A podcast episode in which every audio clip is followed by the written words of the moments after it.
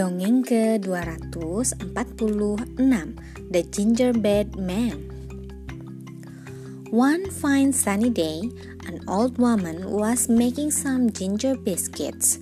She had a little dough left over, and so she made a gingerbread man for her husband. She gave him raisins for eyes and cherries for buttons, and put a smile on her, his face with a pinch of orange peel. Then she popped the biscuits and gingerbread man in the oven.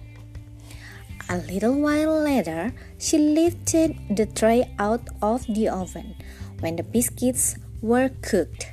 Suddenly, the gingerbread man hopped off the tray and ran straight out of the door.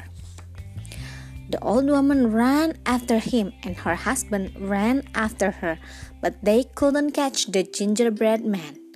He called out, Run, run as fast as you can. You can't catch me. I am the gingerbread man.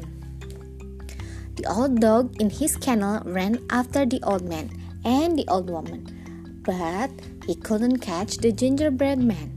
The ginger cat, who had been asleep in the sun, ran after the dog, but she couldn't catch the gingerbread man. He called out, Run, run as fast as you can. You can't catch me. I'm the gingerbread man. The brown cow in the meadow lumbered after the cat, but she couldn't catch the gingerbread man. The black horse in the stable galloped after the cow, but he couldn't catch the gingerbread man. He called out, Run, run as fast as you can. You can't catch me. I'm the gingerbread man.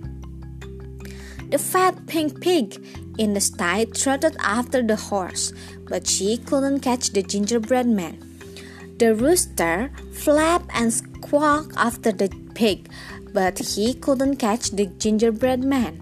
He called out, Run, run as fast as you can. You can't catch me. I'm the gingerbread man.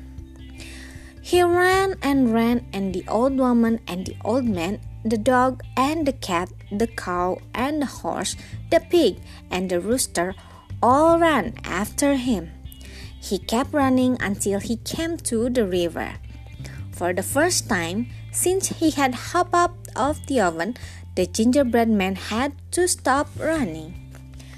Help, help! How can I cross the river? he cried. A sly fox suddenly appeared by his side. I could carry you across the river, said the sly fox. The gingerbread man jumped into the fox's back, and the fox slid into the water. My feet are getting wet, complained the gingerbread man. Well, jump into my head, smiled the fox, showing a lot of very sharp teeth, and he kept on swimming. My feet are still wet, complained the gingerbread man again after a while. Well, Jump into my nose, smiled the fox, showing even more very sharp teeth. The gingerbread man jumped into the fox's nose and snapped. The fox gobbled him all up. When the fox climbed out the river on the other side, all that was left of the naughty gingerbread man was a few crumbs. So the old woman and the old man, the dog and the cat, the cow and the horse, the pig and the rooster all went home and shared the ginger biscuits. They were delicious. Sekian, terima kasih telah mendengarkan. Selamat malam.